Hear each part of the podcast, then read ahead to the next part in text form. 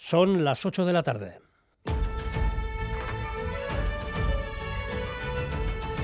Crónica de Euskadi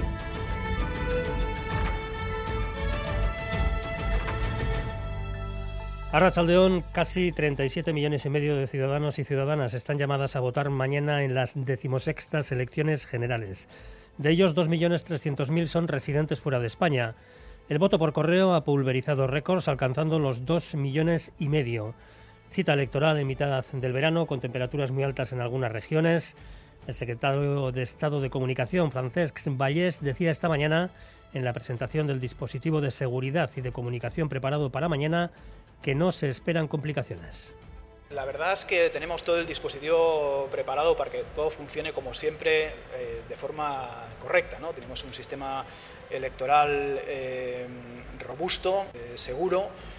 La aproximación al día de las elecciones ha sido con absoluta normalidad y estamos convencidos de que también se va a desarrollar sin ningún tipo de incidencia.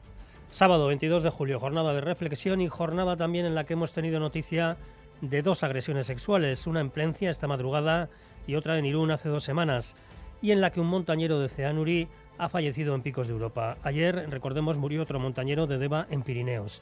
Enseguida ampliamos detalles. Vamos primero con la previsión meteorológica para mañana Euskalmet, Jaione Munarriz predominará en general el ambiente soleado, aunque en la zona cantábrica pues aparecerán algunos intervalos de nubes bajas. Por otro lado, en el sur de Navarra se podrían formar algunas nieblas de madrugada, pero se irán disipando ya por la mañana. Y en general, después por la tarde irán apareciendo algunas nubes medias y altas.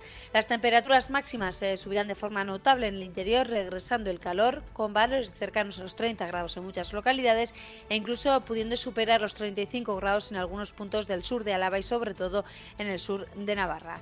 La zona costera, en cambio, va a quedar al margen gracias a la brisa que dejará unas máximas cercanas o por debajo de los 25 grados. Y atención en las playas de la Concha y de la Arena, porque esta tarde se ha tenido que colocar la bandera roja después de que dos personas sufrieran una picadura de carabela portuguesa.